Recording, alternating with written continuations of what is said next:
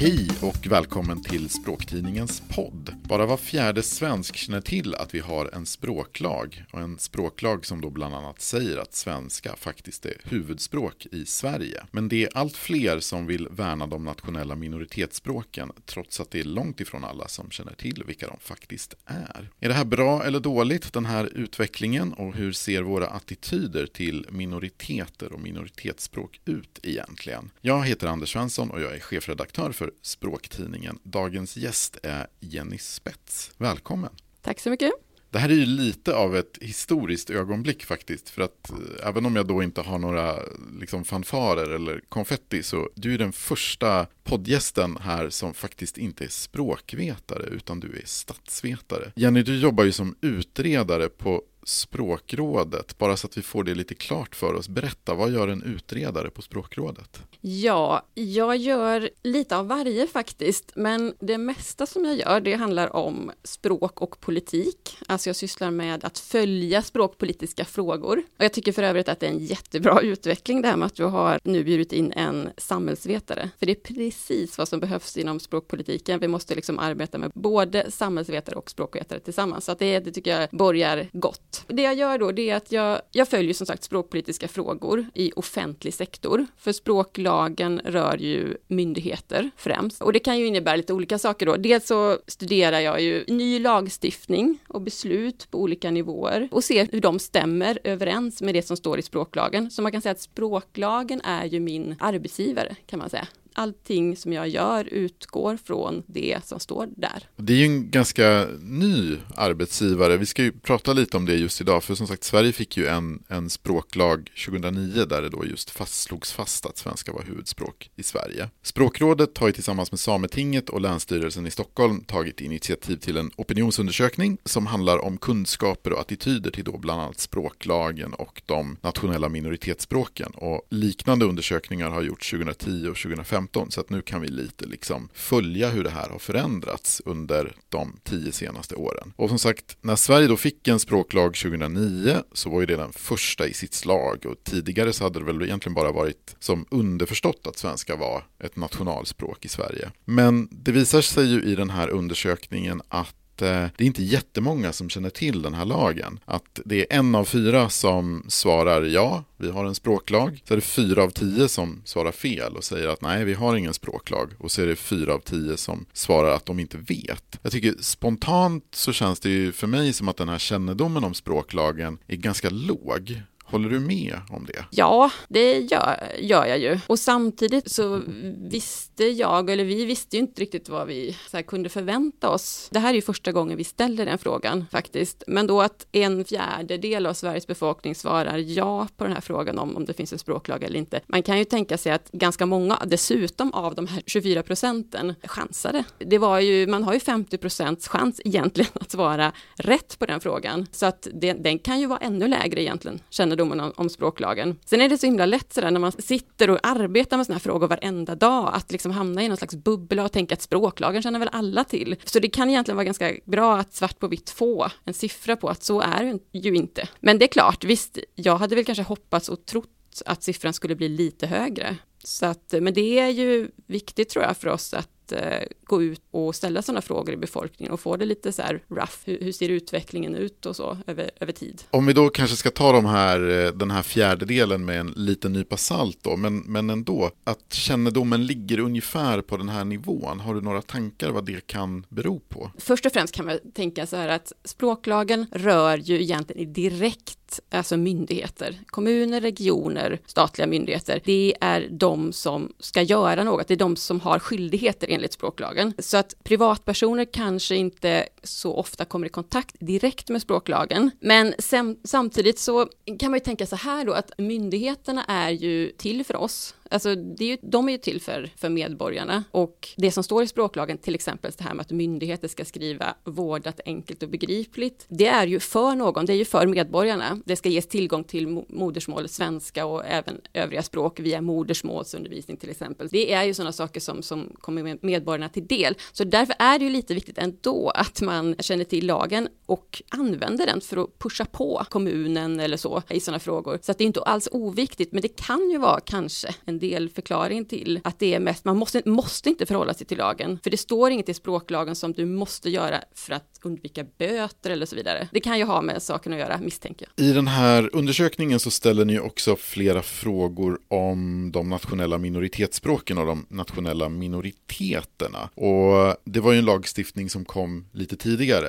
kom 2000 att vi fick nationella minoritetsspråk och nationella minoriteter. Precis som tidigare år när ni har gjort, ställt ungefär samma frågor i, i den här undersökningen så är det samiska som är det mest kända minoritetsspråket och det är samer som är den mest kända nationella minoriteten. Varför är det just samiska och samer som de flesta känner till? Det kan nog ha flera skäl tror jag. Alltså, dels är ju samer också ett urfolk Samer har ju, liksom många andra såklart, av de minoriteterna har ju en väldigt lång historia i Sverige, men de har också en ganska tydlig kulturell sär, alltså kulturella kännetecken kan man säga. De, jag tror de flesta känner till, har sett en samisk folkdräkt kanske, känner till jojken, kopplingen till rennäring och så vidare. Det kan ju faktiskt vara en anledning. Sen har ju samerna liksom inte bara en kulturell förankring utan också en organisatorisk. Alltså det finns ju Sametinget. Jag tror ganska många känner till att, att samerna har en eget parlament departement, en egen myndighet och så. Och det finns en samepolitik, så att det finns ett eget spår så att säga. Och det tror jag har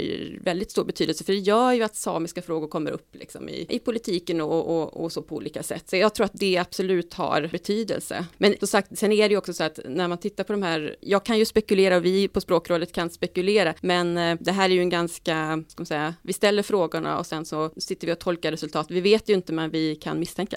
Samer och samiska, det förknippar man ju ganska ofta förstås med norra Sverige. Och det är också så i den här undersökningen att i Norrland så är kunskapen allmänt lite större och då inte bara om samer och samiska utan även då om tornedalingar som talar meänkieli. Det är ju, meänkieli talas ju som sagt framförallt i, i Tornedalen. Finns det någon slags, vad ska vi kalla det för, närhetsprincip här? Att det finns en ofta så att säga geografisk närhet till de här grupperna eller kanske att man själv förstås tillhör någon av dem och att det bidrar till ökad kunskap. Kan det vara förklaringen till att de här minoriteterna, men att kännedomen är starkast just i, i norra Sverige? Jo, men det, det tror vi och det verkar ju rimligt att det är så. Och det kan man ju tänka bara när det gäller alltså vägskyltarna i, i Norrbotten. Det finns ju både på samiska och meänkieli på vissa ställen. De syns mer. Jag tillsammans med en kollega har ehm, kom en rapport förra året där vi tittade på hur språk syns i några offentliga miljöer och då valde vi ut bibliotek och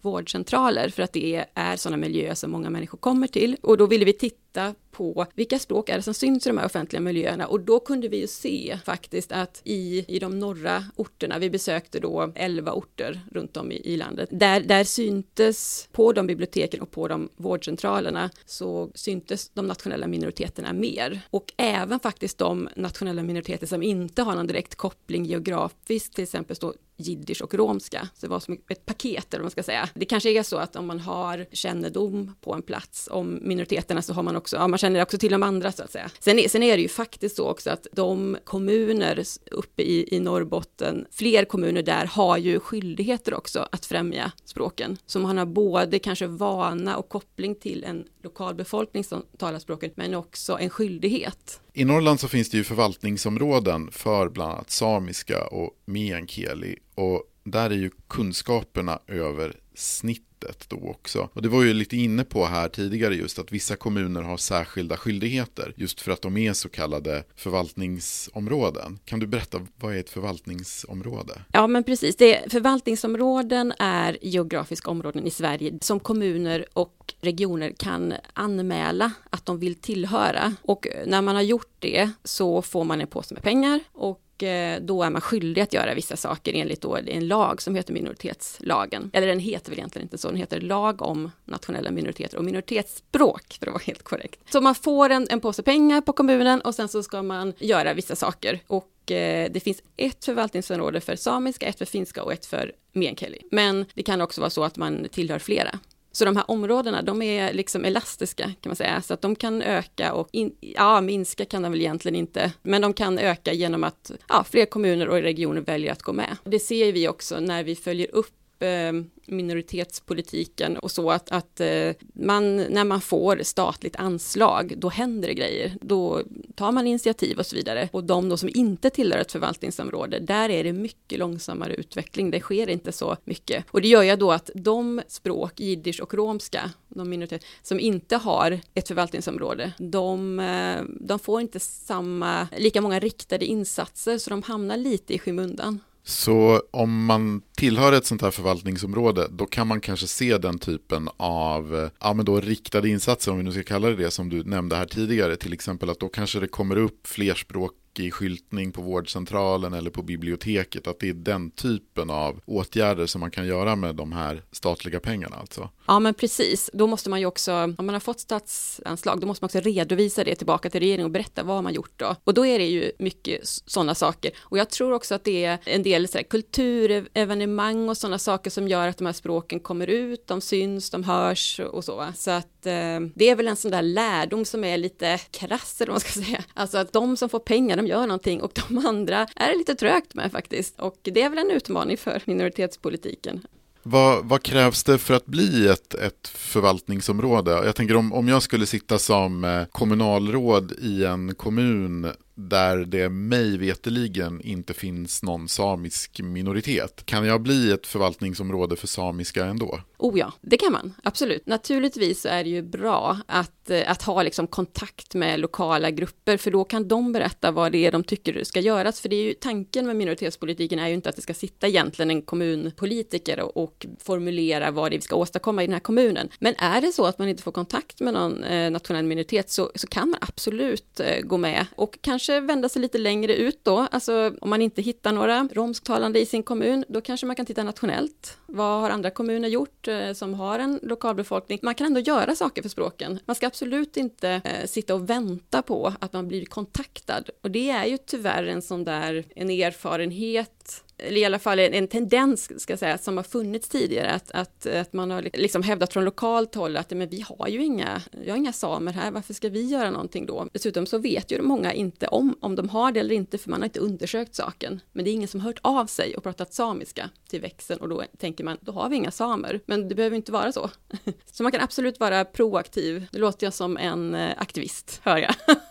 Men just det här också, du sa, det är ingen som har hört av sig till, till växeln och talat samiska. För det är väl också en sak som kan komma med ett förvaltningsområde. Att du som kommuninvånare, att om, om du bor, om du har samiska som modersmål och bor i en kommun där samiska är ett förvaltningsområde så har du väl också rätt till exempel till att få ja, men viss kommunal service till exempel på just samiska. Ja, precis. Och det kan faktiskt vara så att anledningen till att inte höra av sig någon och tala samiska, det beror på att eh, man tar för givet att det är ju ingen som kan, det är ingen som förstår samiska på kommunen, så varför ska jag göra det? Så det, det där är ju lite en, ja, en ond respektive god cirkel då. Men absolut, i förvaltningsområdet så har man vissa rättigheter. Sen är det lite krångligt om man ska gå in i lagen, man ska vara part i ett ärende eller så vidare. Men har du ett ärende på gång som rör dig och du bor i en förvaltningskommun, då har du rätt att tala ditt språk, det vill säga samiska, finska eller meänkieli då, beroende på vilket förvaltningsområde det är. Så att jo, det stämmer. När man kikar på de här resultaten i undersökningen så anar man ju premier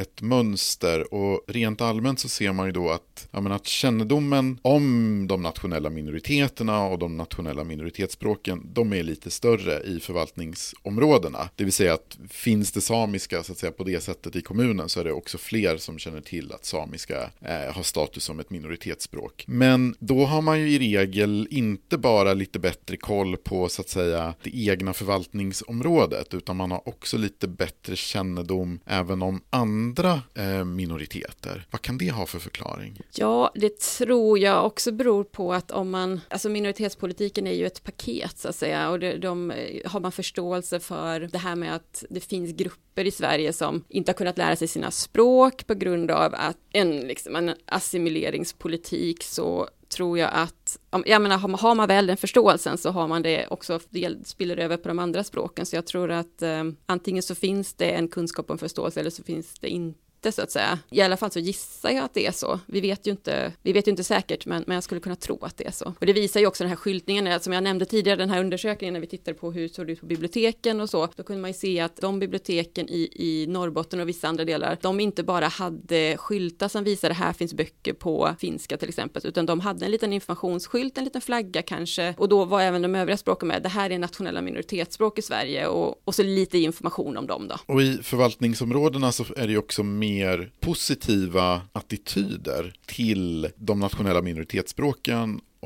minoriteterna. Så det verkar ju också som att den här kunskapen och kanske kontakterna, att de i sig så att säga borgar för mer ja, positiva attityder helt enkelt. För det, visst finns det ett sådant samband? Ja, men precis, ja, det gör det. Och det sambandet är en av de kanske tydligaste resultaten egentligen i undersökningen, som eh, oavsett hur man liksom korskör resultatet, eh, om man tittar på kvinnor och, och män, om man tittar på olika regioner, om man tittar på utbildningsnivå, de som har efter gymnasial utbildning och de som inte har det. Oavsett om man tittar på de här så är det så att de som har, den grupp som har störst kännedom om språken och minoriteterna, de är också mer positiva. Så det kan vi faktiskt säga med, med, med säkerhet. Och Dessutom är det, har det varit samma i, i, tidigare undersökningar. Så det verkar som att om en grupp har, känner till språket så är man också mer positiv. Så att det, det är ju ändå väldigt så här, grundpositivt resultat, eller vad man ska säga. Det hade ju varit lite jobbigt om det var tvärtom. I den här undersökningen då så är det, det är 77 procent som kan nämna åtminstone en nationell minoritet. Och då är det 70 procent som uppger samer, 36 procent sverigefinnar, 35 procent romer, 16 procent tornedalingar och 12 procent judar. Och det är en ganska stor ökning jämfört med tidigare för samer och sverigefinnar medan det för övriga minoriteter så är det mer, mer marginella förändringar. Som helhet, är det här en glädjande utveckling. Det är ju såklart bra. Alltså vi tror ju att det är bra ju större kännedomen är, för det säger någonting om minoritetspolitikens genomslagskraft såklart. Men eh, sen kan man ju också lite så här fundera på vad, jag menar att det bara är 12 procent som känner till att judar är en nationell minoritet. Det tror jag kanske inte att man ska tolka som att eh, resten inte känner till att det bor judar i Sverige, eller att det bor romer eller sverigefinnar i Sverige, utan det är ju antagligen just en indikation indikation på att man känner inte till att judar har just den här statusen som nationell minoritet. Så det är, det är två lite olika saker som man kanske får hålla isär. Och jag tror, vi blev ju lite förvånade första gången 2010 när vi fick resultatet att det var så få som kände till att Sverigefinnar har den här minoritetsstatusen. För att finnar har ju bott och finsktalande har ju bott i Sverige under så lång tid och det känner nog en väldigt stor del av Sveriges befolkning till. Men då är det ju liksom en diskrepans där mellan om man känner till finnar och finsk, finska som språk i Sverige Sverige en jämförelse då med minoritetsstatusen. Och det är ju den vi vill mäta, hur väl, för det säger ju någonting om minoritetspolitikens genomslag den här undersökningen den visar ju också då att det är 74 procent som kan nämna åtminstone ett nationellt minoritetsspråk och det de flesta kan nämna det är samiska som 66 procent svarar. Så är det 41 procent som säger finska, 31 procent som säger romska, 19 procent som säger meänkieli och så är det 14 procent som känner till att jiddisch är ett nationellt minoritetsspråk. Och det här är ju lite ökad kännedom då om vi jämför med när den här undersökningen genomfördes senast 2015. Vad kan den här ökningen bero på? Jag hoppas ändå att den beror på att minoritetsspråken och minoritetspolitiken kommer fram mer i olika sammanhang helt enkelt. Om man tittar 2010 till 2020 så är, är ju ökningen, det är en liten ökning men den är, är, det är några procentenheter hit och dit. Så att det är ju inte så bra då resultat egentligen. Vi hade nog, jag hade väntat mig mer, att de skulle vara, att, att kännedomen skulle gå upp mycket mycket mer på tio år. Varför hade man kunnat tänka sig att eh, det är ju många förstås som har under de här tio åren som har lärt sig om de nationella minoriteterna och språken i skolan till exempel. Att de så att säga har blivit vuxna under den här tiden, har kommit ut och kan bli så att säga tillgängliga för att vara med i en sån här undersökning. Och så hade man också kanske kunnat tänka sig att de här språken skulle blivit mer synliga på olika sätt. Med tanke på att den här lagen nu har ja, funnits nu i, i 20 år. Så du hade helt enkelt hoppats på om du hade fått drömma lite, då hade du hoppats på en större och tydligare ökning helt enkelt. Ja, men helt klart. Attityden till de nationella minoritetsspråken har vi sett gå upp för varje undersökning, mycket mer. Kännedomen har gått upp mycket mycket långsammare än vad jag hade trott faktiskt. Det är nog ett tecken på att minoritetspolitiken, de här frågorna som rör nationella minoriteter och minoritetsspråk har liksom inte blivit mainstream. Och jag tror att den enda, enda sätt sättet egentligen, det är väl att, och det är ju jag inte ensam om, vi har ju haft flera minoritetspolitiska utredningar som har pekat på det, att de frågorna måste in liksom på samma sätt som andra perspektiv, jämställdhetsperspektivet, barnperspektivet, funktionshinderperspektivet, och dit är det en bit, det är en bit kvar där. Eh, Minoritets frågorna har inte samma status helt enkelt. Så jag tror att när de blir det, när de blir mer mainstreamade, så kommer vi se ett resultat. Tills dess kanske det kommer vara lite trögt. Jämfört med tidigare undersökningar så är det också så att det är fler som tycker att det är viktigt att bevara minoritetsspråken. Och så finns det ju också förstås då inskrivet i lagen att de här språken, ja men att de ska värnas och vårdas och utvecklas. För språkrådet som är del av en myndighet som heter Institutet för språk och folkminnen, att det är fler som eh, tycker att de här språken ska både skyddas och utvecklas. Är det en glädjande tendens? Ja, det, det är det ju. Det är ju svårt att se det på något annat sätt, utan det är väl eh, det är väldigt positivt. Och det tycker jag att ändå att man kan ha som en god grund för fortsatt arbete så att säga. Sen när man ska vara lite, ska man säga, realist också så där, så, så kan man väl eh, bara säga rent metodologiskt med sådana här undersökningar att, att det, det kostar ju heller inte så jättemycket att säga att man tycker det är väldigt viktigt när man blir uppringd. Så att, och det kan ju finnas ett, jag tänker så här, psykologiskt motstånd att säga det här tycker inte jag alls är viktigt, även om man då såklart är anonym. Men det tycker inte jag ska förta, förta glädjen av att det finns ett mönster och att det är framförallt unga som, att det ökar väldigt mycket, alltså andelen unga som tycker att det är mycket viktigt att bevara nationella minoriteternas språk och kultur, alltså unga mellan 15 till 29 år. Det tycker jag ändå, alltså borgar för någonting liksom, det är positivt. Finns det någon anledning för språkrådet här att liksom slå sig lite för bröstet och skryta lite? Är det någonting som du kan peka på som ni har gjort som kan ha bidragit till den här utvecklingen? Ja, alltså jag hoppas ju att vi är liksom en del av det, men sen är det ju så att språkrådet är, arbetar ju naturligtvis med, med nationella minoritetsspråk i och med att vi arbetar med språkvård i språken och så. Sen har vi ju inte riktigt det här huvudansvaret för minoritetslagen, så att vi får i så fall dela den äran tror jag med Länsstyrelsen i Stockholm och eh, Sametinget som har de uppdragen. Men jag tror att vi är en del av det ändå, för att vi har ju, vi är ju ute och föreläser för myndigheter, vi sitter med i statliga utredningar som har minoritetspolitisk eh, koppling och försöker ju föra fram frågorna i olika, olika forum och sammanhang. Så att jag, jag, jag vill ju tro att vi är en del av det. Sen är den här, de här processerna mycket, mycket större eller liksom trö, mer trögflytande. Och vi, jag tror att vi måste ha lite tålamod och, och se det på sikt så. Kort sagt, jag hoppas och tror det. Om vi ser till helheten så, som sagt, det är ju inga jättestora förändringar i den här undersökningen. Det finns, ja men mönstret är ju ändå att det finns en svagt ökande kännedom och det är lite fler som är positiva med just till bevarande och utvecklingen. Men vad säger de här resultaten om minoritetspolitiken i Sverige i allmänhet och liksom det allmänna stödet för den? Ja, det säger väl egentligen att eh, folk i allmänhet är positiva faktiskt och det finns en, eh, det finns en god eh, grund för revitalisering och minoritetspolitik men den måste bli mer känd. Alltså den måste ut mer, man måste känna till mer om det. Jag tror att det finns en stor förståelse för, om man, speciellt om man tar med det här historiska perspektivet, att minoritetspolitiken handlar väldigt mycket om att samhället ska ge tillbaka till grupper som har vars kultur och språk har blivit bortträngda av en assimileringspolitik. Jag tror att det finns en, en, en både förståelse och en vilja att aktivt göra någonting där, bara man känner till hur det är. Det måste bli mer känt. Då säger jag tack så mycket Jenny Spets.